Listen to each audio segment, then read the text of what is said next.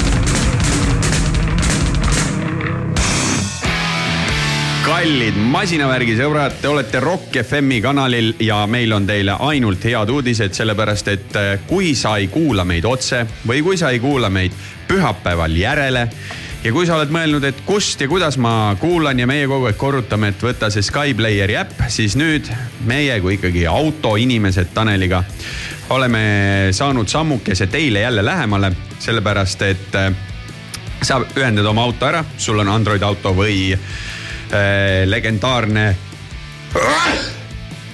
no vot, vot kevadine aeg no õietolm, ühesõnaga, sul on Android auto või sul on siis Apple CarPlay, päris lahe on nagu saate esimeses minutis aevastus tõmmata eetrisse.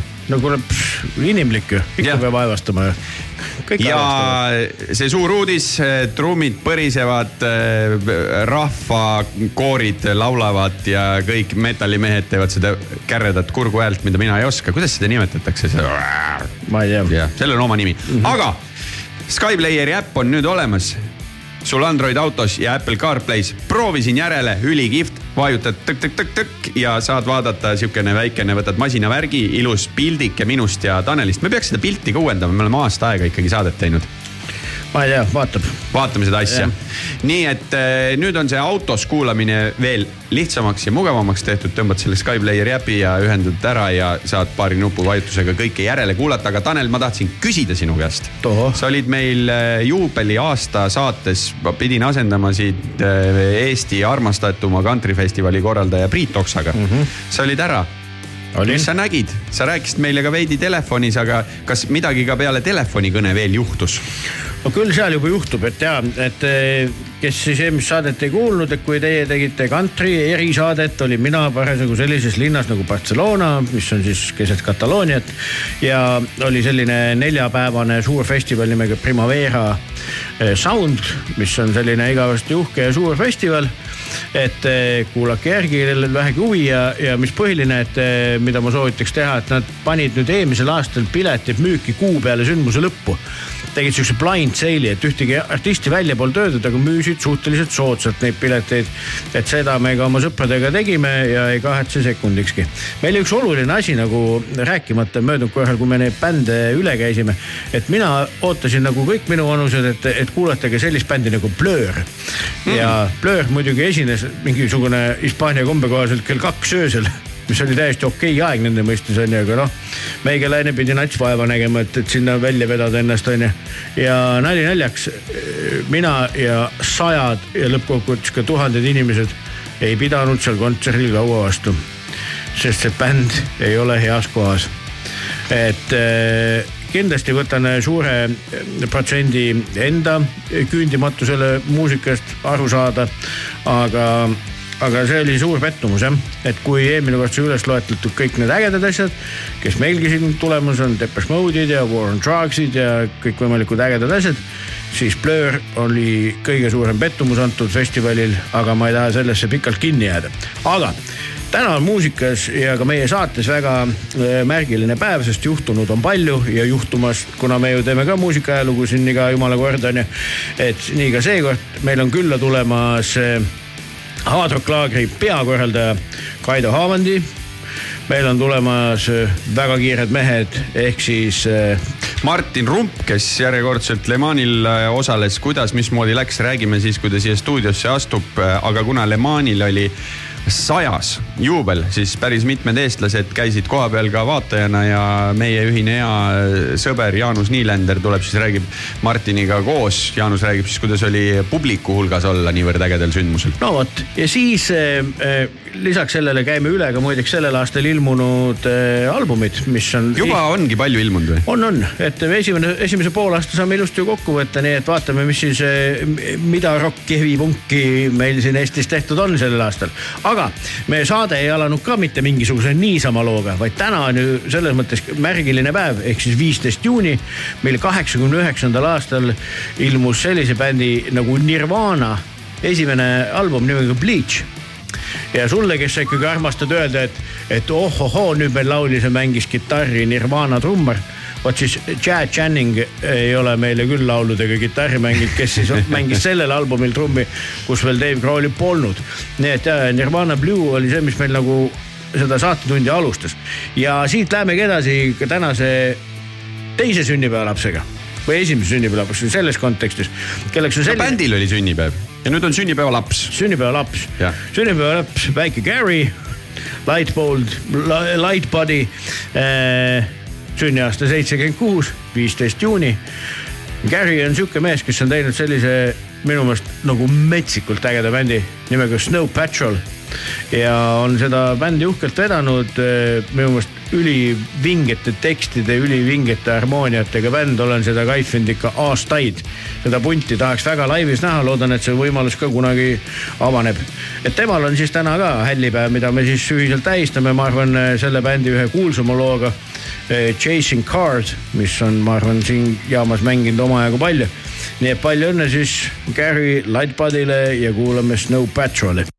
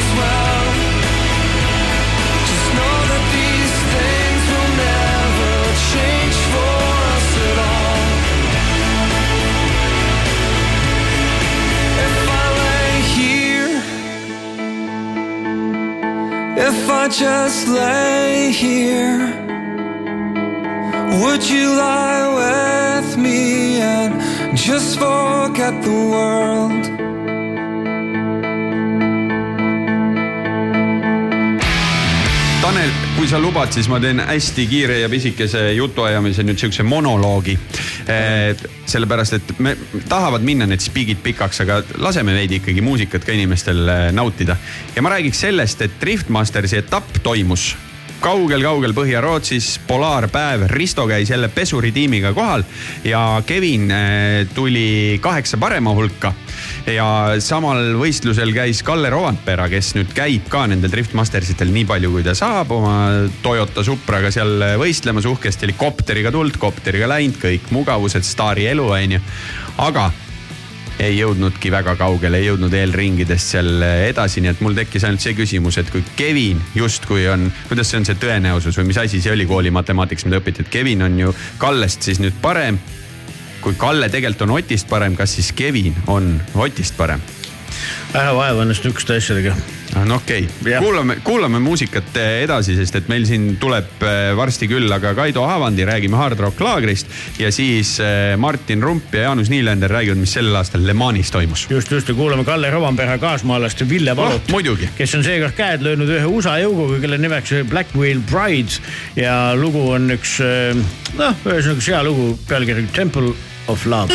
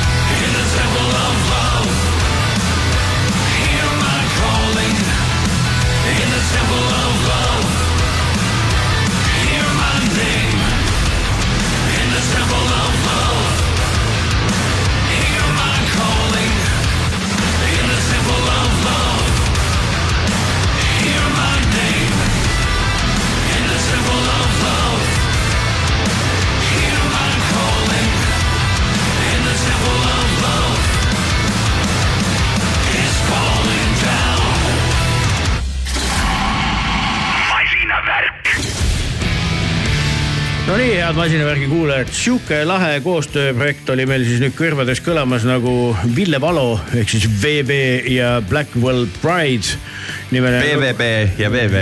täpselt nii, kes on üks USA jõuk tegelikult on ju, Temple of Love, mida me siis kuulasime. et väga kihvt lugu ja, ja tegemist on muideks eh, ühe väga vana bändi cover'iga, see on tegelikult Sister of Mercy lugu Aa. originaalis.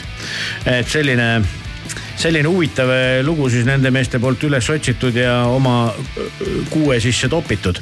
aga kuule, sul on ikka mingid päevad mingisugust eh, sõitmist täis olnud, nagu ma kuulnud olen, sest toru sa kunagi ei võta, kui ma helistan eh, sõnumitele vastu, kogu aeg on kiire. no sa oled küll üks unikaalne inimene Eesti Vabariigis, kellel on kogu aeg kiire, väga ja palju tööd va vabandan kõigi nende inimeste ees, kellega täpselt juhtub niimoodi, et ma panen neile, et SM, et, et pane mulle SMS-iga, kui kiire on või et helistan sulle tagasi, mida juhtub siis, et ma helistan järgmisel või ülejärgmisel äh, päeval. aga kuidagi on juhtunud niimoodi, et kui meil see nende sõidupäevade korraldamine hakkas ju sellest peale, et me ajasime mingeid hobiauto inimesi kokku ja niimoodi, siis äh, täna on ikkagi juba ettevõtted, erinevad ettevõtted järjest ka avastanud, et äh, kas siis oma klientidele või töötajatele või äh, demomise mõttes ka seda automotiivi stiilis sõitu teha ja me jõudsime siin vahepeal päris mitu sõitu ära teha.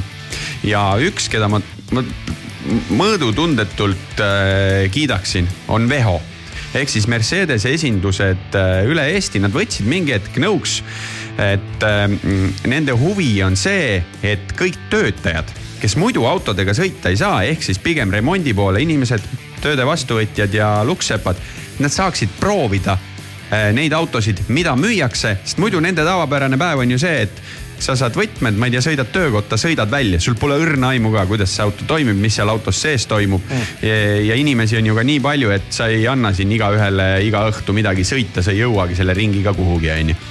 ja juba siin sügise poole sai üks esimene sõit tehtud, aga nüüd me oleme juba peaaegu, peaaegu, et kõik Mercedese esindused üle Eesti masinavärgi automotiivi sõitudega ära teenindanud. Ja viimane oli nüüd siin äh, Rakveres. Ja muuseas Rakveres sai korraldatud veel ka koostöös Veho ja Mersu klubiga, kus siis olid kohal Mercedese klubi inimesed oma vanade ägedate Mersudega, neile anti samamoodi uusi proovida, et nad saaksid seda uut tehnoloogiat kogeda, aga ma tulen tagasi pigem just selle töötajate asja juurde. Koondatakse noh, mitme esinduse peale või kui suurem esindus, siis ühe esinduse inimesed, sihukene kolmkümmend pluss töötajat võetakse kogu see masinapark ette, alates sellest pisikesest äh, EQB elektrikast kuni kõik, mis sinna vahele jääb, kuni siis tegelikult ju nende suurte ja elektrilisteni kallite, väga ägedate masinateni välja ja noh, ma ütlen nii S-klass kui EQS, nii C-klass kui D-klass, D-klass on siis see nimetame muhvi autoks teda on ju, pirukakäruks, mis iganes istmetega see variant on ju. ja õhtune sihukene, ütleme, me oleme siin alustanud kuskil neljast-viiest nihuke tööpäeva lõpust on ju. ja siis äh, umbes viietunnine sõidusündmus, pisikesed kurvilisemad, toredad teed äh,. teeme vahetusi, et kõik inimesed saaksid kõiki autosid kogeda sinna teekonna sisse käib sihuke mõnus äh, söögipaus, inimesed saavad muljeid vahetada. meil on raadiosaatjad autodes, see on, see on tore, kuidas see äh, nagu kolleegid hakkavad elama, viskavad omavahel nalja, lõõbivad, on ju, ja ja korraldajana on kõige parem see, et kui sulle pärast tullakse nagu tõsiselt, mitu inimest patsutavad õlale, ütlevad, et kuule, jumala hästi kihvtilt äh, tehtud. kuule, see on nagu nii elementaarselt lihtne ja lahe idee, et seda peaks absoluutselt kõikidele Eesti ettevõtetele hakkama nagu müüma. näiteks mulle kohe nagu meenus äh, selline, tuli nagu silme ette, et äh, näiteks õlletehas, eks ole kõik, kõik siis nagu töötajad kutsutakse kokku, et nüüd hakkame siis vaatama, mida me siin igapäevaselt teeme, onju noh, päris okei okay formaat on ju. et eh, no ja ma arvan, et me ei pea oma fantaasiaga väga kaugele minema kõikide ametitega. absoluutselt, aga kuna ma olen ikkagi see automoto entusiast, siis ma, ma jään ise nende, muidugi ma laseks kaasa kutsuda kellelgi, kui sinna Saku nii-öelda radadele minemine on. aga teine ettevõte siis, kelle klient ma ise ka tegelikult äh, olen, Mobire, kes pakub täisteenusrenti, sa võid väga lihtsa paketi neilt võtta kuni selleni välja, et sul tuuakse, viiakse autot teenindusse, sul on paketi sees äh, rehvid, äh, asendusautod ja nii edasi, on ju, mida päris paljud ettevõtted kasutavad just selle puhul. sul on autopark, sul on konkreetsed kuumaksed, sul on kulu hästi täpselt teada, sul ei ole mingisuguseid üllatusi selles.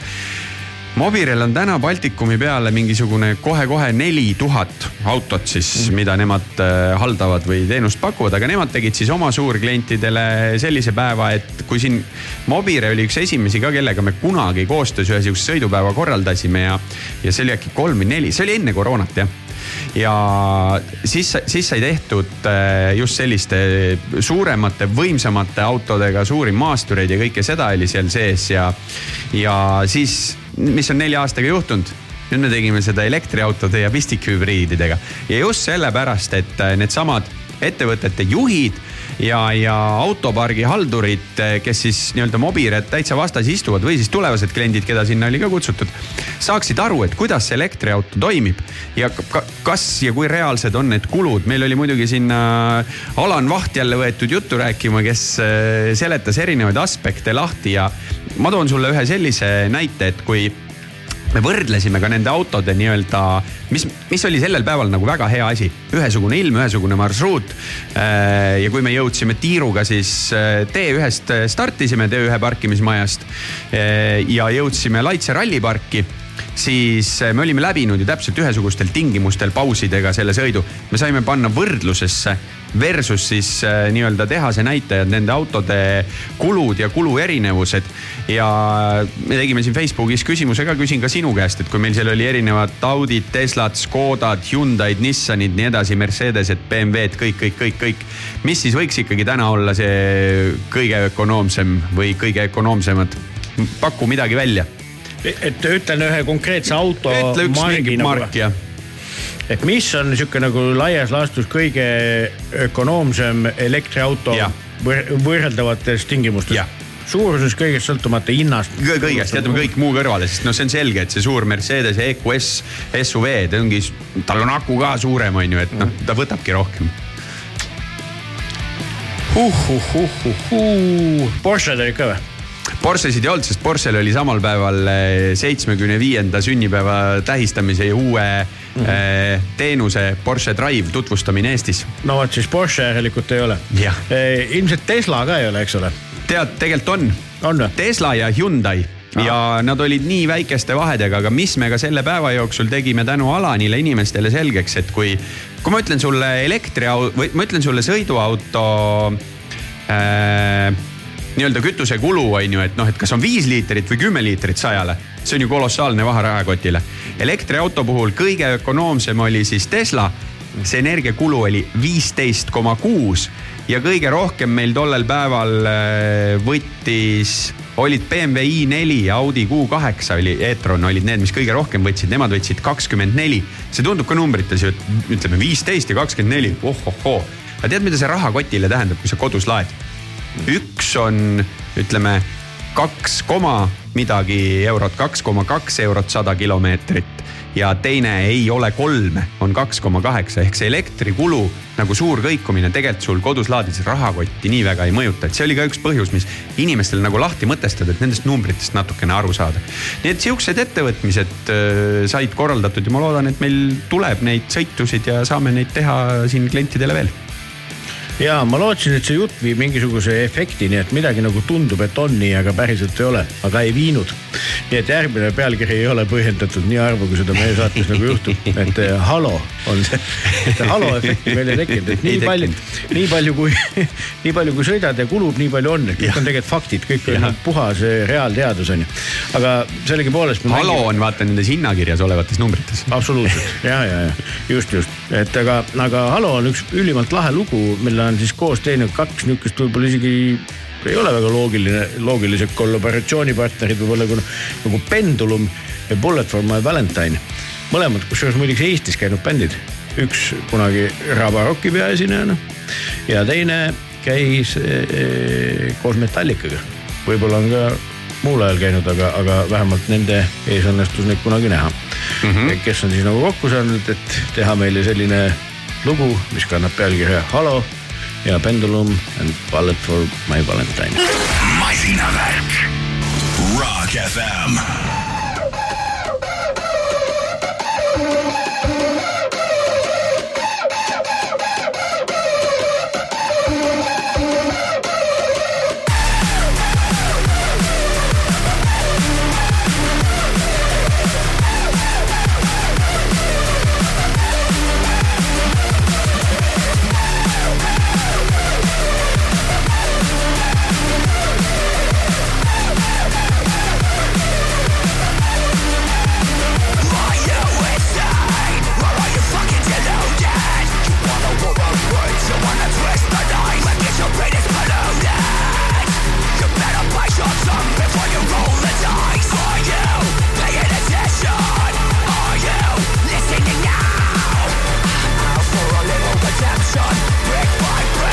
under the pressure.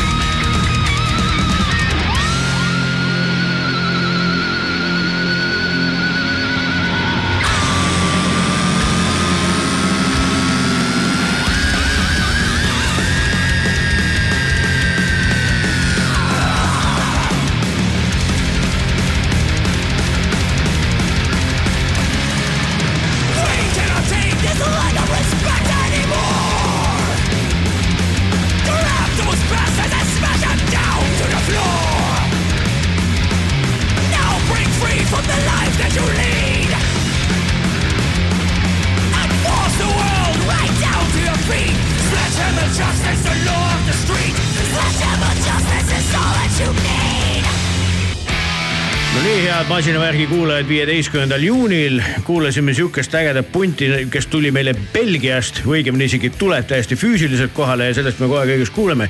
Evil Invaders, Sledgehammer Justice ja haamriga pähe paneb meile ei keegi muu kui Eesti raske muusika eh, kõige armastatum korraldaja maailmas, eh, au, uhkus ja südametunnistus Kaido Haavandi alias eh, Draconic, et kes teeb meil Hard Rock laagrit juba kui mitmendat korda, tere tervist, see saab olema kahekümne teine kord, kui see toimub Vana-Vigalas, kõik aastad järjest, üksik pole vahele jäänud oh,. see on uskumatu, selle, see on eraldi aplausi väärt. absoluutselt, et ei, no täpselt õiget metalit ei murra ei pandeemia ega miskit muud, et eh, ma arvan, et sellele me ei taha tagasi vaadata, et ei olnud lihtsad aastad kellelgi, et ega ei olnud, aga tõepoolest meil natukene vedas ka, et kuna siin Eestiski otsustati, et aasta teises pooles on kõik palju paremini kui aasta esimeses pooles, siis me täpselt juuli algusesse sattusime oma festivaliga aastal kaks tuhat kakskümmend äh, siis äh, üks, ei vabandan, kaks tuhat kakskümmend. just, just, aga ja seal oli mingi, mingi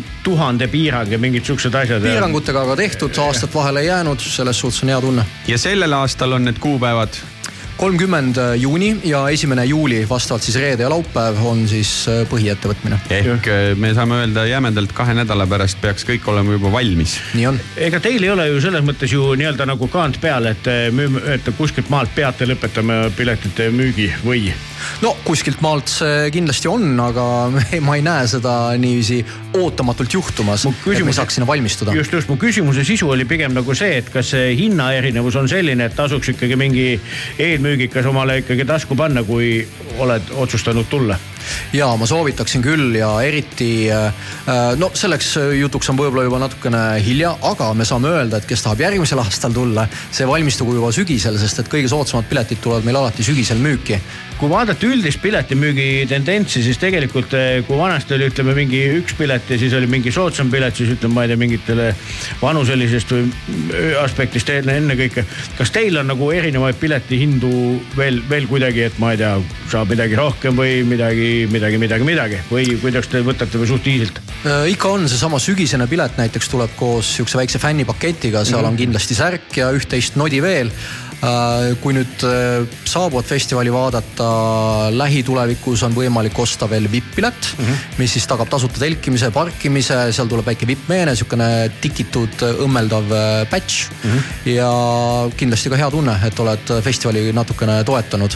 aga kuni kaksteist meil on ka täiesti tasuta üritus, nii et lastepiletit meil eraldi ei ole, aga lasted saad tasuta ja saad tulla koos perega soodsalt. mina küll kiidan seda kahel käel, seda laste tasuta toomist loomist, sellepärast et, et tõesti, et, et sihukesel eh, rahaliselt sensitiivsel ajal, et kui selle taha nagu hakkab nagu peretulek nagu jääma, siis see on jõle vale põhjus, noh, et, et, et, et noh, keda see laps seal A segab ja teine asi, kust me nagu seda ägedat järelkasvu muidu nagu saame. ja mujal riikides ma olen tähele pannud, et eh, seda vanusepiiri aina tõstetakse. on tõstetud ja, sest et ma tegelikult olin ise just sellel hetkes, et mul on lapsed kaheksa, kolmteist, neliteist, Kapa mm. Festar oli nüüd on ju mm.. ja seal oli seesama kaheteist aasta piirang ehk üks laps oli tasuta, kahest juba maksid täitsa täishinna, korra mõtlesid küll niimoodi, et lähed viieliikmelisega, et kuidas siis on. tegelikult minu meelest, olles ka ju kahe tänaseks täiskasvanud lapse isa on ju, et, et et minu meelest see, kui ta hakkab ise otsuseid langetama, tuleb gramm hiljem. noh, et davai, et lähme, onju. ma arvan, see on mingi viisteist, kuusteist, noh enne seda sa ikkagi oled kellegist sõltuv nagu, et, et nihuke hea mõttekoht, kaksteist väga tubli piirang. kuule äh,, ühte punti juba kuulasime äh, Belgia kampa, et äh, mis nende taust on ja siis ütleb, räägi täiesti mõõdutundetult. jah, line-up'ist ja mis saab. mina täheldasin muidugi räpina siin no,, see on väga oluline aga, aga. ja Evelyn Veiders Belgiast, minu äh, sina sõprus nendega sai alguse hoopis veel teiselt festivalilt, kus ma tegin heli neile mm. -hmm. oli mind kutsutud sinna tööle ja vapustav bänd lives, et äh, kõigepealt ajamasin täielik mm. -hmm, Nad on nii ehe kaheksakümnendate sihukene speed, trash metal. Nad näevad välja nagu sellest ajastust välja karanud, nende muusika on ehe ja mitte ainult stiilipuhas, vaid ka väga-väga hea mm. -hmm. ja kui, kui ka nende videosid vaadata, siis seal on selline korralik kaabukergitus või kummardus ikkagi selle sellele kaheksakümnendates speed. aga kas ta on sinu hinnangul on seal nagu seda mängu ilu nagu selles mõttes, minu, minu jaoks on kõige kaifimad bändid need, et kes nagu teevad mingit asja, asja nagu nii stiilselt, et on juba veits nagu siukse groteski piiril. aga, aga kui mänguoskus ja kõik on nagu hea, onju, siis ei saa nagu ette heita, et tegemist on mingi klounaadiga. ei, absoluutselt mitte, et igal juhul äh, ma garanteerin, et kellele seda stiili muusika natukenegi meeldib, see vaatab pisar silmil ja suu lahti ja on väga õnnelik selle üle, et mingid vennad ikkagi seda asja veel nii tõsiselt võtavad. Just, just, kuule, kõlab väga ägedalt ja nendega me kohtume siis eh, teisel päeval, eks ole, kell kaheksa, kui ma vaatan kavast praegu. täpselt nii no väga äge, aga räägi veel nendest tippudest, et võib-olla, keda sa oled näiteks aastaid üritanud saada ja nüüd on siis nagu õnnestunud või, või kellele sa oled veel heli keeranud ja ütelnud, et kuule, et tulen keeran kodus ka teile siukse heli, et, et, et on keeratud onju, et keda sa välja nagu pondiks? no veel enne, kui me selle päris tippesinejani jõuame, ma tooksin, tooksin välja sellise põneva bändi nagu U-Hai mm -hmm. Mongooliast, et äh, sihukene bänd nagu Who on Mongoolia metalli üsna kuulsaks mänginud juba Euroopas mm. -hmm. ja tegelikult Who ei ole isegi mitte nii algupärane, et äh, selles mõttes, et ta ei ole see esimene kõige algupärasem Mongoolia metallibänd, kes on seda stiili viljelema hakanud. küll aga nagu paljude asjadega ikka siin maailmas, ühed hakkavad tegema, aga siis tuleb teine või kolmas ja teeb selle asja kuulsaks üle mm -hmm. Euroopa. Ja Wuhai siis sammub Who jälgedes mm. -hmm. samamoodi väga ehe kõik need Mongoolia mm, traditsioonilised pillid on kaasatud ja samas muusika on selline rokkiv kogu selle kõri laulmise taustaks. oled neid laivis näinud ka? ma ei ole neid isiklikult laivis näinud, ma olen toetunud ainult videotele mm -hmm. ja no need ei ole selles mõttes äh, lavastatud livevideod, vaid ikkagi festivalidelt võetud ja tundub ikkagi vähe, väga vähe äh,, vabandust, väga ehe kraam olevat nii, nii, siis ma vaatame siin veel line-up'is on, äh, on äh, veel üks Ukraina punt sul äh,. Memoriam äh, parandan, see on UK ehk siis. aa, ei ole Ukrainian, okei okay,, sorry, minu viga. väga hea, et sa mainisid seda, seda oleks järgmisena esile toonud no,. nägid sa? kes kunagi kuulas sellist bändi nagu Bolt Thrower, sihukene väga kõva death metal bänd oli. siis Bolt Thrower pani pillid kotti ja nüüd Memoriam on äh, kattuvate liikmetega siis tegelikult selle bändi järglane, teeb mm -hmm. väga sarnast muusikat. Nad alguses püüdsid küll eemale tüürida ja teha midagi omanäolisemat, siis said aru, et pagan, see Bolt Throweri rida vist on see kõige õigem ikka.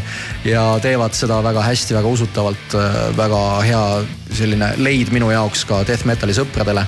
Äh, mainin ära veel Soomest Jääbi, äh, nemad on täiesti tundmatu bänd mm. -hmm. Nad alles alustasid, nad ei ole kordagi väljamaal esinenud, Eesti Kontsert saab esimene olema ja ma tõmbaks paralleele sihukese bändi nagu Swallow the Sun mm, -hmm. mis nüüd ju teeb USA tuure, maailma tuure aga nende esimene väliskontsert oli ikkagi Eestis ja Vana-Vigalas Hard Rock laagris. nii et ma ennustan sama kõva mhm. tulevikku The Abbey'le, seal on kutid, kes mängivad Man Eating Trees mängisid mm, -hmm. Sentenced'is mm. -hmm. nii et vanad kutid teavad, mida teevad ja asi kõlab väga hästi.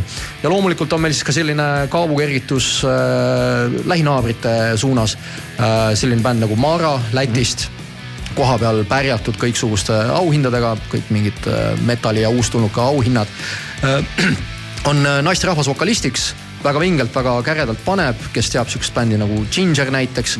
väga hästi saab paralleele tõmmata. ja Leedust tuleb siis selline bänd nagu Ukanose, nemad mängivad äh, pesuehtsat sellist äh, Balti folk metalit. jätkame kohe bändidega ja, ja Hard Rock Laagri tegemistega laiemalt, aga vahepeal kuulamegi sellist, võiks öelda, exotic metalit, mille sa oled meile kaasa võtnud. kas sama... see Mongoolia bänd on ka kõige kaugemalt tulija? Antud äh, antud aastal küll, nüüd keegi võiks panna joonlaua peale, et kas Argentiina näiteks on kaugemal. selle me teeme siin loo, loo ajal teeme selgeks, mõõdame need kilomeetrid üle.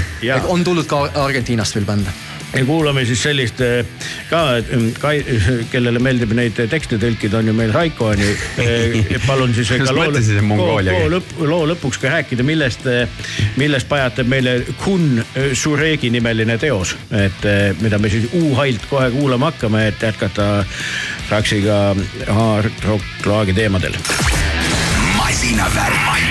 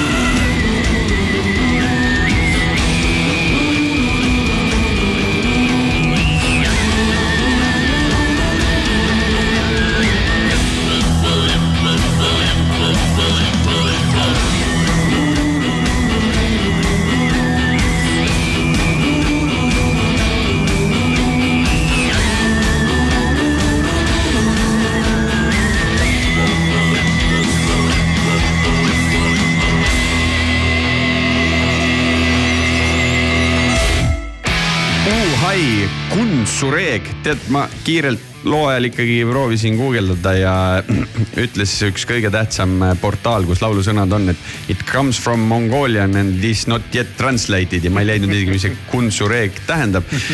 ja mongoli keelist Google Translate'ist ümber tõlkides, no vot, ei tea, ilmselt ma, ma jään selle juurde, et see on mingi sõjamees. Aga võtame Hard Rock Laagri veidi siuksed mingeid ajalooradasid ka lahti ja ma samal ajal kontrollin korra seda Argentiina ja Mongoolia kaugust ka meie kodust. ja kuule, ma küsin sihukese asja eh, nagu ära, vaata kui millegi sees nagu oled, tundub kõik kuidagi nagu elementaarne nagu on olnud ja nii edasi ja nii edasi.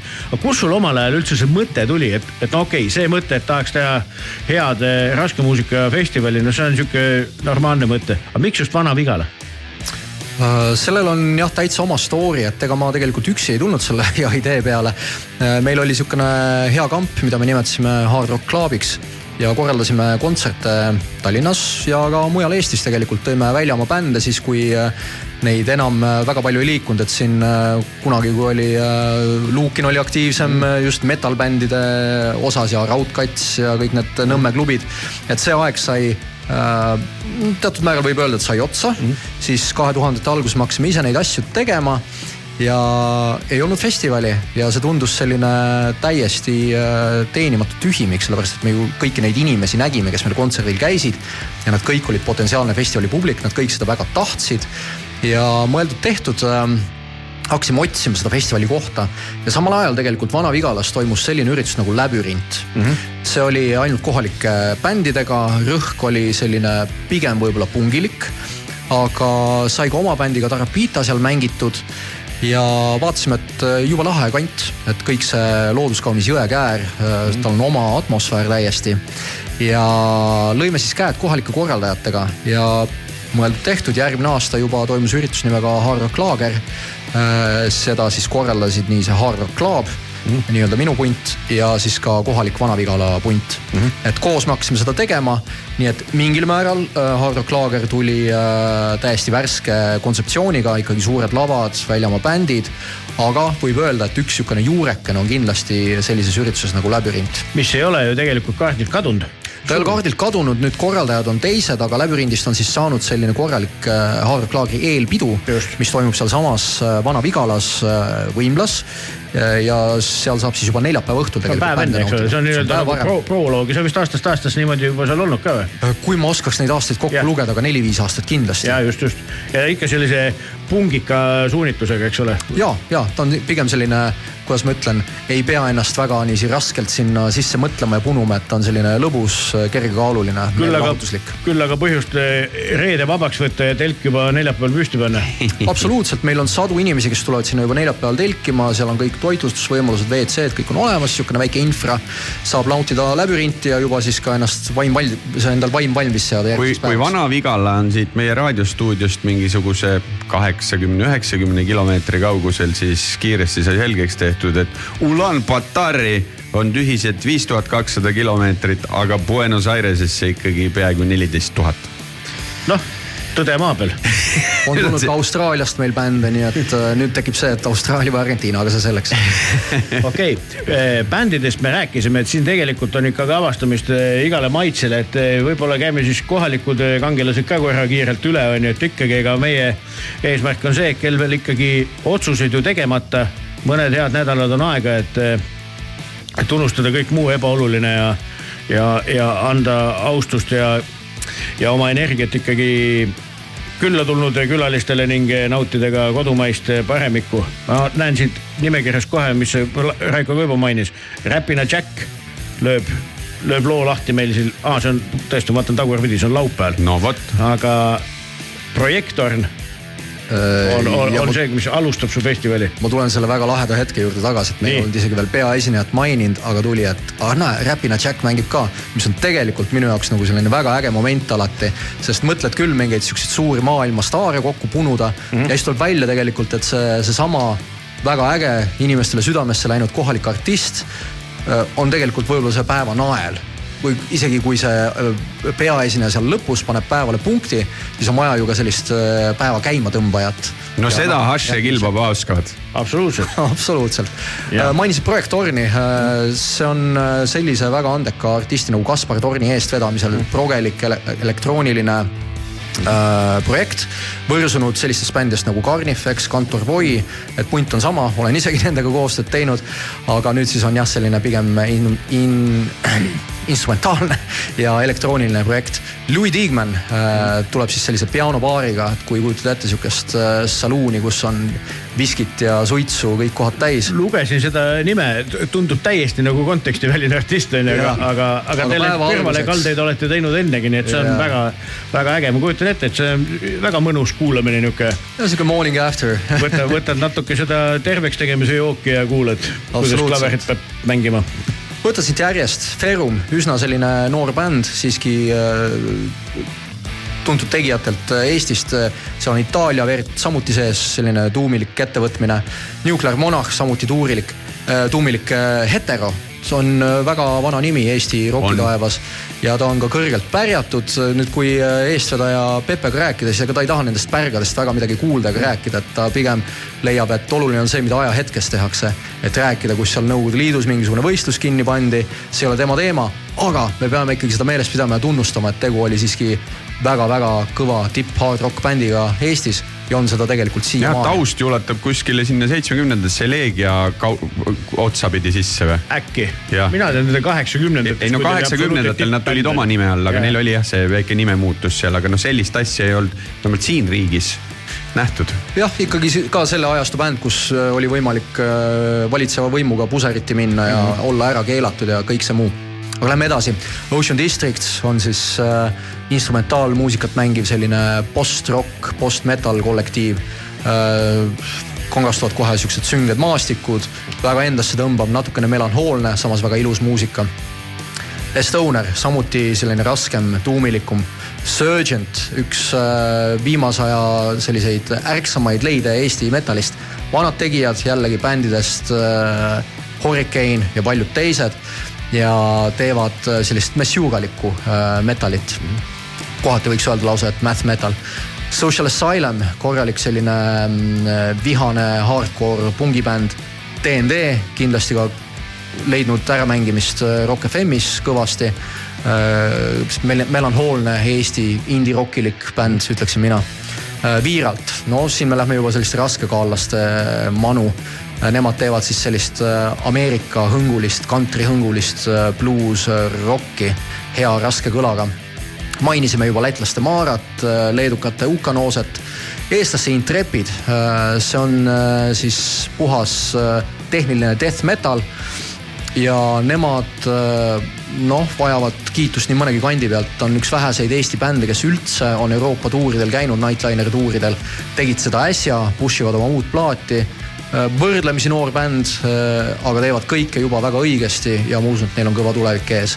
soomlased Jäbi, samuti mainitud, võime eraldi peatuda Metsatöllil, kuid kas on põhjust, eks Metsatöll on kindlasti see, mis plakatilt silma hakkab igale Eesti roki ja metallisõbrale. üks tuntumaid Eesti artiste ja mul on tunne, et ma olengi siin kõik nüüd kenasti ette puristanud heeraldust jäi vahele, aga, aga teda Nii. me ju tunneme ka väga hästi. Aga nüüd on ikkagi see trummipõrin, Kirst Tordil, Creme de la Creme ja kõik need igasugused eh, lahedad eh, superlatiivid, et ikkagi Arch Enemy on ikkagi ühe korraliku metallimehe märg, kivine, raudne ja tuline unistus ja Arch Enemy on kindlasti bänd, mille üle võib väga-väga uhkust tunda ja rahul olla meie line-up'is, et tegelikult mida ma alati, kui ma kellelegi tutvustan seda festivali väljamaal, siis ma mainin ära, et oluline on, et omad bändid saaksid püünele, oluline on, et oleks kaetud ekstreemmetali stiilid, sest et sellist äh, noh, tavalist nagu rokki ja sellist kergemat metalit leiab ka teistelt festivalidelt. ja ülioluline on ka see, et meil on alati ikkagi ka tõelised A-klassi staarid võtta äh, maailma metal-muusikast. ja Genemi seda kahtlemata on.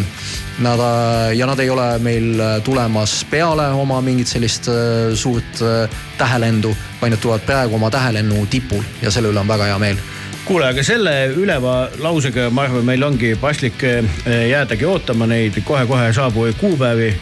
Kaido, suur tänu tulemast, suur tänu selgitamast.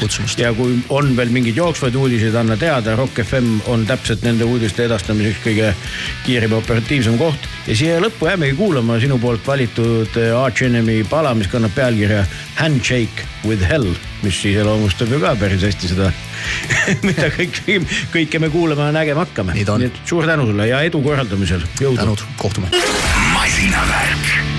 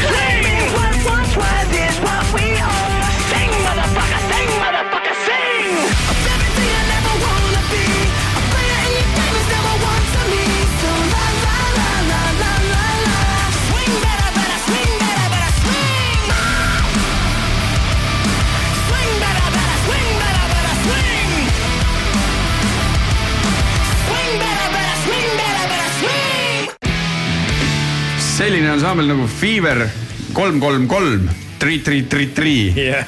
Swing, kunagi oli ju siukene album Eestis, Swing, Mr Lawrence'il. oli, oli muidugi. oli, aga sellest me ei taha üldse mitte rääkida. motospordis ei ole mingit sihukest terminit, spinn on, aga swing ka on või? saame kohe küsida. saame küsida kõik, kõikidel tuleb ainult see swinger mingi värk, singer, singer-vinger, Siis- Kiia Stinger, ja sihuke autot vahetad või Jah. sõitjad. jah No, see, eks see vaata- Le Mani võidusõit ongi üks svingerdamine, seal Jaa. vahetatakse kogu aeg. Hobune on sama. ühesõnaga nii vahvalt saime sisse juhatada oma eh, Le Mani ja see ei ole mitte mingi niisama, see on Le Mani sajanda aastapäeva nüüd pooltunnike siin Rock FM-is masinavärgi saates, sellepärast et meil on stuudio uksest sisse astunud eh, Martin Rump, eestlane, kes juba teist korda osales nii prestiižsel mootorispordivõistlusel ja talle sekundeerib Jaanus Niilender, kes eh, muidu eh, juhatab vägesid United Motorsis, aga kuna ta on ikkagi tulihingeline auto entusiast. Siis, siis Jaanus on meil äh, ka Taneli ja minu ja ka Martini hea sõber, kes äh, meiega käib ka ühistel äh, sõitudel. Ja seekord lihtsalt oli selline suur kadedus jälgida, kuidas Jaanus siis käis sajandal Le Manil pealtvaataja rollis. Nii et ma arvan, see oli ka väga eriline kogemus.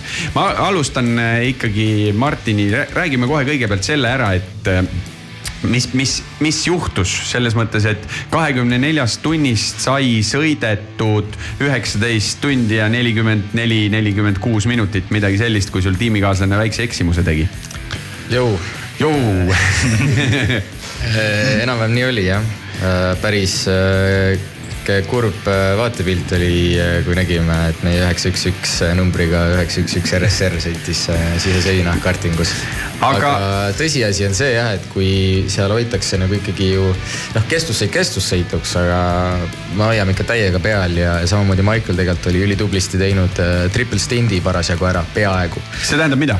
Triple stint tähendab sisuliselt kolm tundi järjest autos roolis olla ja just mitte niisama. ma ei viitsi Võrrugi sõita ühe jutiga. et noh, pingeline ja vaatad seal kogu aeg peeglitesse ja, ja vaatad edasi ja tagasi ja üritad manageerida traffic ut ja jälgid rehve ja toimetad nagu seal täiega professionaalselt ja siis, kui ütleme kaks tundi ja seal no tegelikult üks tint on natuke vähem, mingi viiskümmend viis minutit umbes. aga noh, sisuliselt võib öelda jah, et ta peaaegu kolm tundi sõitis järjest ja see tegelikult ei olnud esialgu plaanis aga me mõtlesime, et laseme tal ära teha need kolm tundi, siis oli nagu taktikaliselt natuke parem ja selle kolmanda tunni seal teises mõned minutid enne lõppu oligi see moment, kus äh, tal olid track limit'id olid täis. ehk siis oli täis. raja, rajapiir piirjoont no, ületanud? ta oli ületanud neid parasjagu kordi, minul vist oli seal äkki kolm või neli korda oli tehtud ja kokku meil lubati teha kümme ja üheteistkümnes kord oli juba noh, on drive-thru, mis tähendab mm -hmm. seda, et sõidad boksist läbi ja, ja kaotad korralikult seal mingi kolmkümmend viis sekundit või, või natsa rohkemgi. et äh, siis ta hoidis seal hammastega kinni sellest autost ja üritas mitte vigu rohkem teha, aga parasjagu Porsche kurvidest tuli sihukese hooga läbi, et vaatas vist keset kurvi, et äh, too hoogu äh, jäi nagu palju peale ja ja rajapiiretest ei, ei suuda püsida. Ja, ja siis selles momendis ta ikkagi tegi oma parima nagu ürituse, et äh, jääda kahe valge joone vahele. ja tulemuseks siis see, et jah, kaotas kontrolli ja sõitis siseseina, nii oli me tuleme varsti kohe nende sinu tiimikaaslaste, nende kõige juurde, et me räägime natuke ka sellest, et kellega siis sõitsid ja kuidas teil seal eluolu oli, aga ma küsiks Jaanuse eluolu kohta selles mõttes, et jälgisin ikkagi eh, nii palju, kui sa sotsiaalmeediasse jõudsid postitada, ma saan aru, sul oli seal tihedat tegemist, aga meil on üks mõnus vestlusgrupp, mis põhimõtteliselt kakskümmend neli tundi elas ja siis meil oli oma mees Havannas, kes jagas infot. kuidas sa üldse, meil oli ju mingi hetk plaanis, et me tahame sinna nagu kõik mingi kambaga minna, siis need piletid said nipsust otsa. sul tänu niisugusele, ütleme töösuhetele õnnestus sinna kuidagi lõpuks äh, pääseda. mis siis tähendab, mis see tähendab, seal on kolmsada midagi tuhat inimest koha peal, see on ju, see on nagu, ma ei tea, Tanel, mis see muusikafestival oli, palju seal oli, kus sa käisid praegu? see oli väga väike, aga no selliseid kolmesaja tuhandelisi ikka on ju ka maailmas täitsa omajagu, aga noh, see on ju mingi hoomamatu hulk inimesi, noh, ma ei tea rohkem kui kolm oli nagu, oli nagu ruumi käia ka kuskil ja olla või? tervist oli küll, aga kohati oli ikka väga-väga kitsas, et et äh, see oli, ma ütleks, et see oli minu jaoks sihuke, nihuke üllatus, et see oli selline festival ja möll et äh, ma olin neli päeva kohal koos oma sõpradega. sa oled et, väga paljudel mootorispordi ma olen, ma olen ikka käinud. päris palju käinud üle maailma näinud ja käinud ja tundnud, siis see ületas nagu ikka väga pika puuga kõik need teised kogemused, et jah, läbi oma töö siis me olime sõpradega Peugeot külalised ja siis, kui Martini tiimis see eksimus juhtus, siis me olime mehed, kes hüppasid Peugeot boksis püsti, haarsime kahe käega juustest kinni ja tegime oi, et me elasime ikka väga kaasa, et aga väga võimas üritus tulnud, tulime tagasi, siis võtsime vastu otsuse, et me tahame kindlasti sinna uuesti minna ja siis meil, mul oli sihuke tunne, et mul oli ikka üle, üle poole nägemata, et Näge, mis, nägemata millest? just, mis seal nägemata, võidusõitu pidid vaatama? vaatasingi võidusõitu, aga me nägime kurve ennem stardisirget ja pärast stardisirget, et meie, meil oli oma siis selline äh, hospitality box, kus me siis nii-öelda vaatasime, olid väga head vaatekohad, meil oli võimalus minna padocki peale, sealt tagant tegelikult saime üles jalutada, vaadata ülevalt aknast alla, kuidas äh, Peugeot autod siis äh, boksis sees oli ta väga-väga lähedal, meil oli äh, tiimikülastus, me saime Peugeot tiimi sisse minna, meid viidi vahepeal bussiga kuhugile šampanjatuurile, kus me käisime seal mingeid kurvi vaatamas ja hakati noh, meie ajaks oli juba šampus küll otsas seal, aga aga meil oli ikkagi äh, hommikul kümnest rajale ja, ja me läksime sealt ära iga päev peale südaööd et äh, see, see kõlab uskumatuna. pikad tööpäevad. ja pikad tööpäevad ja, ja kui ma tavaliselt tulen tagasi kuskilt, me käime väga palju rallisid vaatamas, siis ma tahan ikka sihuke nädal aega puhata. siis seekord äh, see oli kuidagi, sain nagu nii palju positiivset energiat, et ma siia, ma olen nagu puhanud kuskil mere ääres, et see oli nagu. ma, ma isegi, ma ütleks niimoodi, et mul pühapäeval oli kerge, kerge väsimushetk ja siis ennem tund aega ennem finišit ma peatribüüni peal tukkusin. ja kõik see automürad seal, mis see käis, see oli nagu sihuke nagu unelaul mulle, see oli nii mõnus. milline näeb pealtvaatajale kakskümmend neli tundi välja, kas sa siis läksid ka ikkagi vahepeal, kui, kui võidusõidupäev oli, läksite ka ära või? jah, me tahtsime tegelikult kõike näha ja mitte ära minna, aga me pidasime pundiga nõu ja ütlesime, et lähme ikka ära. tolle, kui, kui sõit käis, me läksimegi kolm öösel ära, sõitsime trammiga koju ja tulime äh, sihuke kella kümnest tagasi okei okay,, väga palju võidusõitu, mina näiteks suutsin ära vaadata ülekande vahendusel, kas mingi veidi üle kaheksateist tunni sellest võidusõidust, noh vaadata, mingi hetk see oli mul kõrvas ja kuulas. kuule, aga äh, Martin, kas sõitjad ju vahepeal ikkagi peavad ju ka magama ju või kuidas see asi? kohustuslik ei ole, aga, aga hea on ja loomulikult ta just eriti sõidu teises pooles ikkagi annab juurde, et kui, kui saab natuke unetunde. ma ise magasin ühe korra peaaegu kaks tundi järjest ja, ja ikkagi väga sügavalt mm. -hmm plaan oli tegelikult kolm, kaks või kolm korda magama minna, aga seal kaks korda nendest äh, kolmest korrast äh, juhtus nii, et ma parasjagu olin nagu duši alt just tulnud ja, ja olin valmis kerra tõmbama ja siis järsku helises telefon, et Martin, Martin, kaksteist minutit hüppad autosse. tõmbad jälle. Martin, kus sa magasid seal? Meil olid treilerid pandud äh, tiimi hospitality's okay. või noh, seal kõrval, et äh, kõikidel tiimidel tavaliselt on olemas, äh, kas on siis mingi rekka spetsiaalselt tehtud või mingisugune, ongi nagu driver hotell nagu Cadillacil oli või noh, seal on neid jah, variante erinevaid, aga meil olid siuksed mõnusad putkakesed sinna pandud ja tiimi omanik on ju äh, teada-tuntud äh, transpordiärimees äh,, et siis äh, seal äh, neid kasutatakse. rekkadest puudust ei ole. rekkadest puudust ei ole ja, ja sellised äh, jah, konteinerites olime sisuliselt, aga need olid tehtud nagu hotellitubadeks, et meil oli dušš, äh, vetsud olid olemas, äh, koht, kus magada. ja no loomulikult mootorimüra, aga ma kasutasin isiklikult selliseid pehmeid kõrvatroppe, et väga mõnus oli. kõrvatroppidest ja kõigest sellest me kohe jätkame, aga me kuulame siia vahele Thirty Seconds to Mars ja Life is beautiful lugu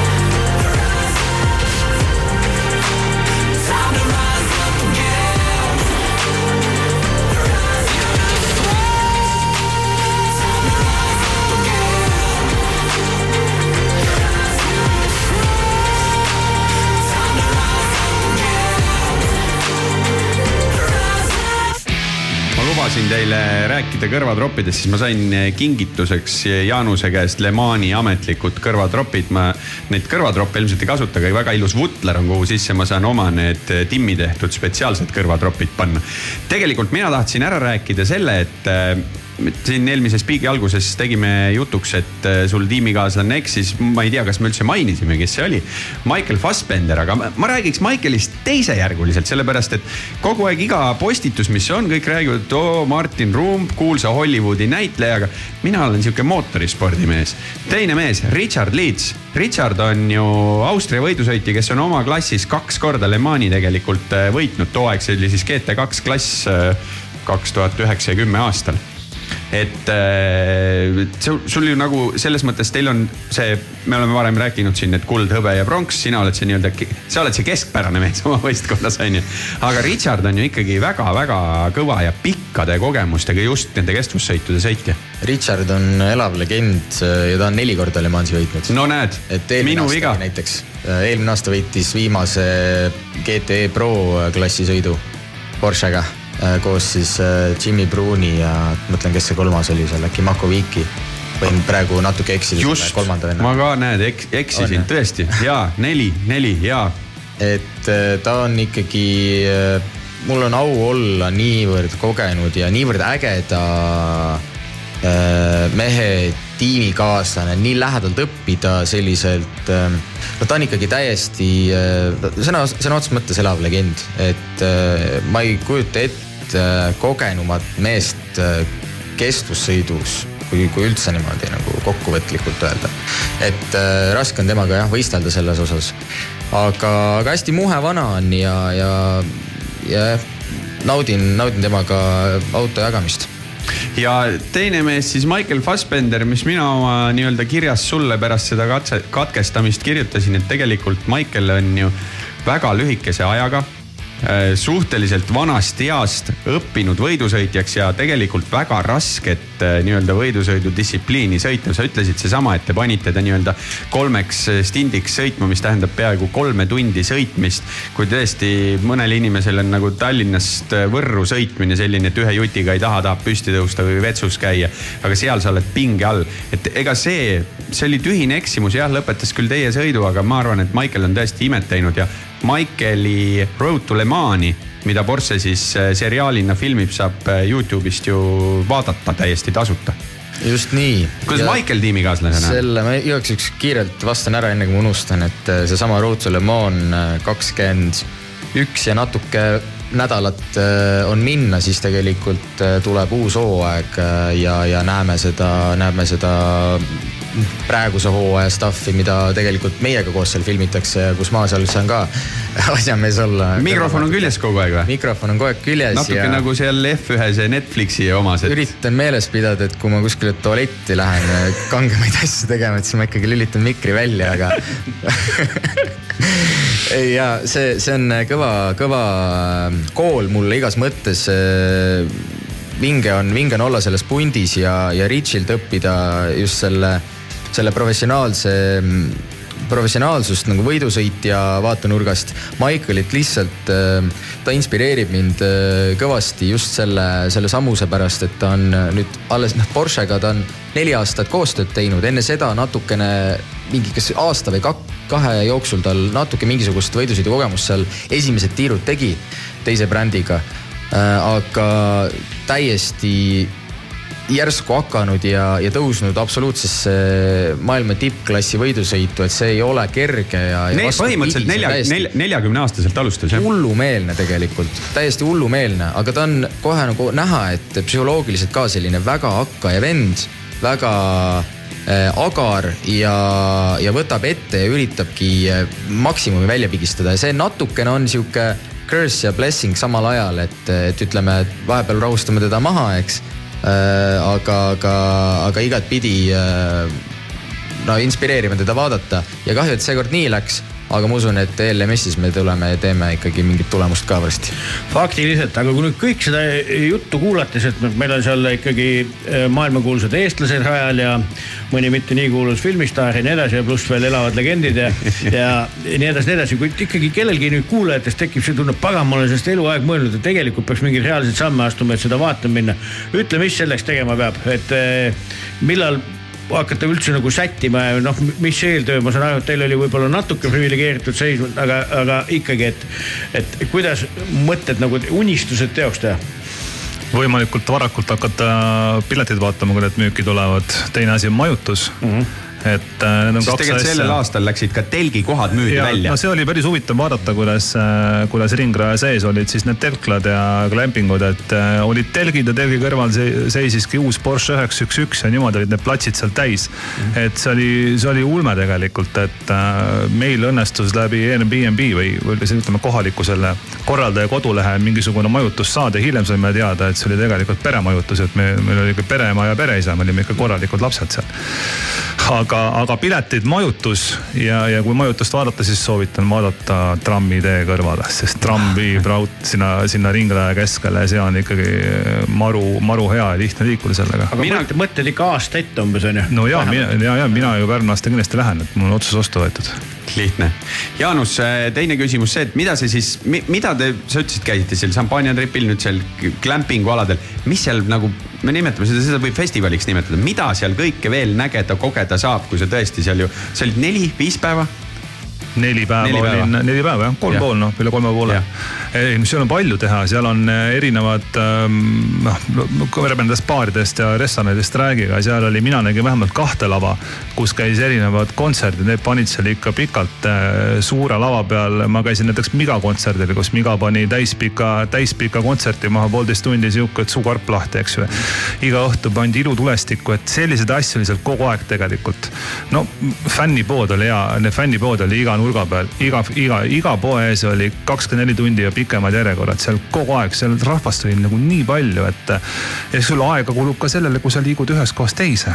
nagu kolmsada kakskümmend viis tuhat inimest on ikkagi see, et sa ei käi käed la- oksad laiali, vaid pigem, pigem trügid oma higise, higise kehaga seal, et, et, et aga aga jah, muidugi autohääled on need, mis mul siiamaani kuidagi äh, sees kõlavad, et siin üks V8 läks majas mööda, siis mul tuli kõik jälle meelde, et. NASCAR tuli meelde ja no see, kui NASCAR tuli, siis ikkagi maa müdises ja šampus hakkas klaasis lainetama, et see oli ikkagi kiirelt nagu vägev., siin kuulajatele ja Tanelile ka infoks, et äh, Le Manil siis kolm põhiklassi, aga Garage viiskümmend kuus oli üks sihuke lisaklass kunagi, ma ei tea, kas seda täna enam samamoodi nimetatakse.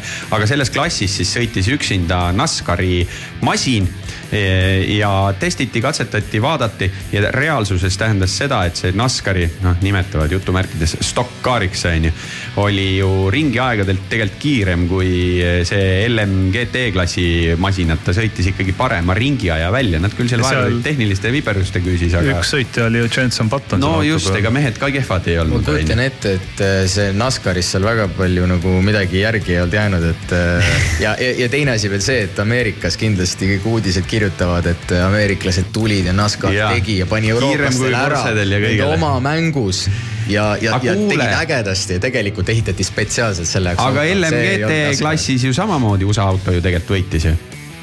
Seda küll jah. Ja., Corvette võitis. Corvette võitis, Aston teine, Porsche kolmas ja sellel aastal siis üle viiekümne aasta vahe kui Ferrari võidud, sest teine koht troonilt lükati Toyota, kes viis aastat järjest võitnud. Ai, ja kolmas oli tegelikult Cadillac, nii et ameeriklased tegid Le Manis sellel aastal päris korraliku no vot, vot, vot. Tunda on isegi niisugust nagu veits sihukest Eurovisiooni vaipsi on ju, et mingisugused siuksed allhoovused ja asjad ja aga, mingi kõmu. aga publikrajales ei ole nagu Eurovisiooni. Sinna ma tahtsingi jõuda Eurovisioonil ei lennata nii palju hävitajatega üle selle peasirge. no näed, näed. vaatasime iga aga... kord, kui sealt lennukid üle tulid, et ja nüüd läks jälle meil kümme aastat seda tire warmer'id, et meil on ju järgmisest aastast ei ole tire warmer'id enam, et hoida nagu loodust kokku värki. aga hävitajad ikka lendavad. Need panid, need panid südames paugu põhja. jah, ja ilutulestikku tuleb ikka teha ja iga päev, iga päev. ja meil oli Bob Sinclair oli seal esimesel õhtul vist no, ja näed, siis Mika oli teisel õhtul, et see oli kolm erinevat, kolm erinevat pika, pika kontserti oli ja igal õhtul oli täisprogramm mm. -hmm mehed, tasub minna vaatama. võiks lõputult ilmselt rääkida, aga meil Ta, see kuidagi küll, aeg piirab eh, peale.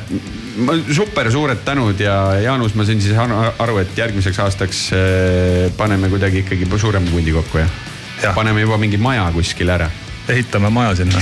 me mõtlesime seda, et kuna see lennuvälja on kõrval, et paneks siis nagu mingi tšarterlennuki kokku. ka variant, ka variant.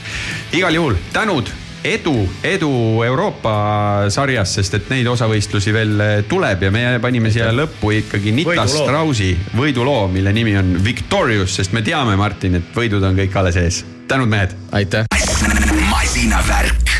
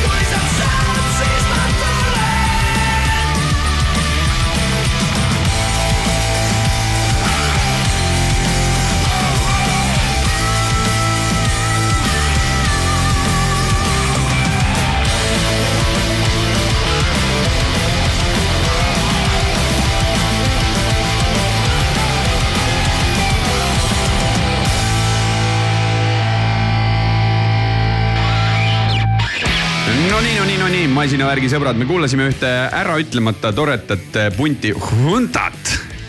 meil käis Gramm siin, siis me mõtlesime ka, et V või U, et kuidas me neid hääldama peame täpselt. peab hääldama hunta. Just. nii nagu pealik ütles. loo nimi Ma tahan tulla ja see on ka üks värskemaid lugusid Eesti nii-öelda raskema muusika taevas. Tanel, sa käisid läbi selle, meil on kohe varsti jaanipäev pool aastat läbi.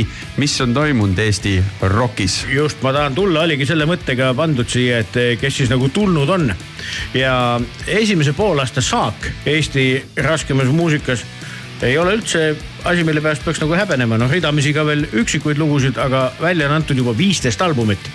kõik, mis on rock või metal või punk või midagi sinnakanti minevat, on ju, ja seesama Hunta on ju ka saanud eh, maha suurepärase ansalbu- albumiga, mille pealkiri on Mängib rock n rolli bänd. Ja Eh, aga käime neid kõik kiirelt üle, sest et eh, üks korralik Rock FM-i kuulaja võiks ikkagi enda aparaatidest vähemalt mingisuguse osa nendest läbi lasta ja võib-olla lihtsalt pole tähele pannud või, või mõnda bändi ei teagi, see on ka täitsa võimalik, sest mina ei teadnud päris mitut siit isegi.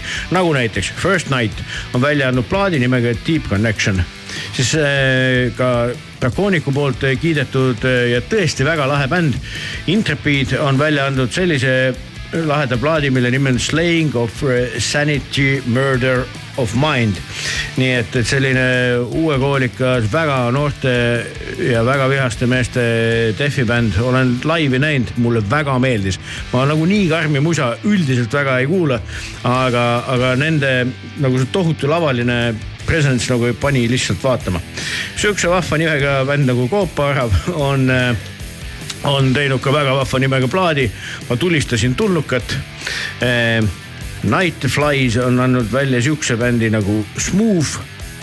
Ocean District eh,, eh, mis on ka eh, selle aasta Hard Rock laagril üles astumas, on välja andnud sellise väga mõtliku siukseid, kuidas ma ütlengi, selliseid eh, muusikamaastikke maaliva bändi Phantom Islands väga huvitav kuulamine, soovitan väga. siis eh, ansambel Onkel Jonkel eh, üllatab meid sellise vahva albumiga, mis kannab nime Akadeemiline puhkus. noh, suveks ju igavesti eh, hea mõte, mida teha sügisel, kui ei taha minna kooli, siis tuleb võtta akadeemiline eh,. kuidas sul poistel on? Mul on väga hästi. on neil, on neil juba akadeemilisest juttu olnud peale esimest siin aastat? ütleme nii, et tõde selgub mõne päeva jooksul. et praegu on, ütleme nii, kriitilised päevad. aga eh, vana hea pungilegend ikkagi Eesti Vabariigis, Psühhoterror, nagu neil ikka kombeks on. iga lause on statement ja nüüd nad ütlevad meile seda, et punk pole moes. kas see ka nii on, tuleks nende albumi pealt välja selgitada. ka meie saadet väisanud eh, Räpina Jack eh, ikkagi kütab oma uue Basljabiniga mööda Eestit, külastab ka Hard Rock laagrit, nagu me kuulsime. teevad ka muuseas baaris tööd, oled tähele pannud? Nad on baari teenindajad olnud Tõsi, siin paar korda reklaamivad seda välja ja vaata, kui tore ettevõtmine. absoluutselt. kohtu oma iidolitega leti taga noh. no vot, aga jah, Räpina Jack, kes pole näinud, süüdistage iseennast. Soorus ka taaskord ju käis meil läbi Aadak Laagri kontekstis, kui mu mälu ei peta, on välja andnud sellise albumi, mis kannab pealkirja Viis hunti. pungikad bändist Tabloidid on teinud albumi number viis, millest võiks järeldada, et see äkki on nende viies album, kuigi, kuigi äkki on väike vimka, on hoopis kuues, ei tea. The Wild Card on Stupid Fears nimelise albumiga hakkama saanud. meie ühine sõber Valtoire ähm, on siis oma muusikalistel eksirännakutel komistanud pungi otsa ja teinud eh, Late Night Punk Show nimelise albumi. ta lubas, et see on äh, plaadi või noh, lubas, ma pressisin natuke selle lubaduse välja, et sellest formuleerub vinüül ja üks pool on punk, aga ei tea, mis sinna teisele poole tuleb. usu mind, teades selle mehe produktiivsust, tal on kindlasti see mõte olemas, mis selleks hetkeks, kui ta tegema hakkab, muutub. nii et, nii et, et see sinna täpselt tulebki. Wolfred on teinud eh, ka sellise plaadi, mille nimi on eh, kas neli L-i, neli I-d neli kriipsu. peaks kutsuma külla, et nad ise ka räägiks, mis neil seal peas toimub, kui sihukese pealkirja oled oma albumile pannud, annab ka kontserte ja nii edasi. ja viimane siis viieteistkümnes album, mis sellel aastal Eesti Vabariigis raskemas muusikas ilma algust on näinud, on Autosexuality nimeline jõuk, kelle album kannab nime Kaootika. nii et ühesõnaga, kellel see jada-jada loomulikult meelde ei jäänud, mida ma siin praegu rääkisin, vaadake näiteks eh, Raske Muusika Liidu Facebooki, seal on kõik need albumid ilusti välja toodud. ja enamus on eh, olemas ka näiteks Spotify's ja muudes keskkondades, et, et minu meelest Eesti muusika on selline, mida üks endast lugupidav muusikakuulaja peaks ikkagi nagu avastama mingi aja tagant ja mis põhiline, seal on väga palju häid asju väga-väga mõnusaid. sa võtsid selle Ocean Districti teema korra, need on, kui vana või mis, ma olen seda nime kuulnud, aga ma ei ole neid kunagi näinud ega nende muusikat kuulnud. no siis pead Adam Klaagisse minema, kui sa neid näha tahad mina olen nende no, musa võt. kuulanud natuke vähem, kui ma tahaks. ega ma sealt peale ühe mehe ausalt öeldes ka kedagi ei tunne et, et teevad igal juhul täie veendumusega sihukest väga tehnilist ja väga, väga sellist, kuidas ma ütlengi, sfäärilist muusikat, kui nii võib öelda, et ta on sihuke nagu muusikaga piltide maalimine. millest me tegelikult hakkame kohe kuulama ka ühte vähestest lugudest, kuhu on lisatud vokaal ja nende külaliseks eh, antud teosel, mis kannab pealkirja Fata Morgana, on eh, ikkagi armastatud eh, laulja Robin Juhkental, kes siis Ocean Districtiga. see ongi ainukene asi, mida ma nende plaadist tean, et nad tegid Robin Juhkentaliga koostöö see käis uudistest läbi. no näed, asi seegi kui millestki muust rääkida pole. ühesõnaga hoiame silma peal Eestis välja antud albumitel, esimese poole aasta saak on selline. väga hea, kui mõni usin raadiokuulaja ütleb, kuule oot, kus see album oli, pange masinavärgi kuskile kommunikatsioonikirja ja kindlasti leiame ka selle üles. mul on see küsimus, kui seda esimest poolaastat vaadata, siis äh, mõeldes, et ega kaugelgi siin nüüd suured igasugused aastat kokkuvõtted ja muusikaauhinnad on, kas on nagu materjali sinna nominentide hulka? tead, muusika väljaandmine on muideks väga huvitavas printsiibis, ei puuduta üldse nagu mitte rokki ja metalit onju. esimesel poolel aastal antaksegi vähem välja. see on lihtsalt aastast aastasse nii olnud mis see täpne põhjus on, jumal seda teab. aga teisel poolaastal arvuliselt tuleb rohkem lugusid. selle me loeme siis detsembris kokku. jah, ja nagu üks eh, muusikakriitik eh, tabavalt ütles, olles läbi kuulanud piisava hulga eh, džässi ja pärimusmuusika albumeid, et nojah need igasugused toetused saanud albumid on nüüd kuulatud et, et nemad peavad nagu mingis tähtajas nagu asju tegema, aga noh, mingid, aga jälle noh, printsiip on ju see, et ega mingi noh nagu popartist ju naljalt nagu plaati ei tee, et noh, milleks tal seda nagu päris täpselt nagu vaja on, et. et mingites žanrites on see elu ikka väga-väga selliseks nagu singlipõhiseks läinud ja, ja mida tehakse nagu noh, ikka väga suurte arvestustega, et, et millal miski nagu ilmub, nii et see, et see album nagu mingites stiilides on on selline, mida ikkagi nagu tehakse, mingisugune epohh nagu kokku võtta, aga, aga paljudes žanrites on ta sihuke, et noh, et, et ei ole vaja aga mina olen tegelikult nii, et äh, ma olen, ma ei saa öelda, ma pigem olen albumi kuulaja, aga kui album välja antakse, siis ma kuulan albumi ära, sellepärast et ega hea, tark ja haritud artist teeb sellest ikkagi terviku ja sa peadki seda niimoodi kuulama, mitte üksikuid lugusid sealt välja rebima. jällegi, ma arvan, et ta on nagu žanrite liikides nagu hästi erinev, aga mis puudutab jah, nagu kasvõi siin eelloetletud asju, siis nagu olemata neid ju kõiki otsast lõpuni läbi kuulanud, ma kujutan ette, et seal selliseid kontseptuaalseid lähenemisi on, on ikka rohkem kui üks on ju, et noh, et, et me oleme täna sellises kohas ja tahame edasi anda sellise sõnumi sellises helikeeles, nii et, et äh, ühesõnaga kallid äh, masinavärgi kuulajad, avastage Eesti mussi ja seda väikest äh, ülevaadet jääbki lõpetama seesama eelnimetatud ja ka Hard Rock Laagris üles astuv Ocean District nimega, looga nimega Fata Morgana. kus teeb kaasa ka Robin Juhkental, ahoi. masinavärk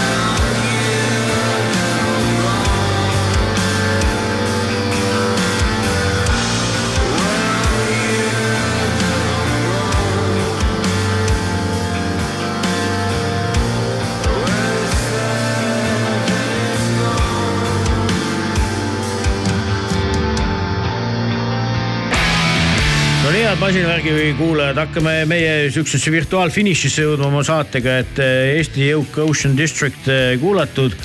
et eh, panen südamele seda, et, et festivali suvi on ju käimas ja täie hooga, et nendel minutitel ju on mitmendat päeva käimas Kopenhellet, kellel ikkagi üle viskab korralikult siis lennukipilet ja Kopenhaagenisse minemine, minek, sest see line-up, mis seal on, vau ikka muljetavaldav onju.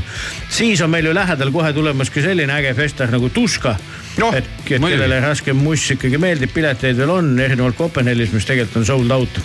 ja loomulikult Hard Rock Lager, kuhu veel mahub, aga järgmise nädala menukid on meil ju, tähendab, vabandust, ülejärgmisel nädalal on, on Asking Alexandria ja, ja Gojira ja homme, ei ülehomme, mul on päevad veits sassis, ülehomme on ju ikkagi vanameestrite Scorpionsi käes. Eesti. Eesti inimeste süda ja kõrvad. nii et eh, tegelikult eh, raskem musahooaeg käib täie hooga, nii et, et vaatamist on omajagu palju. aga nüüd ja kohe tõmmatakse kate maha Solaride'i uuelt võistlusautolt, mis Austraaliasse läheb, seda siis T1 keskuses.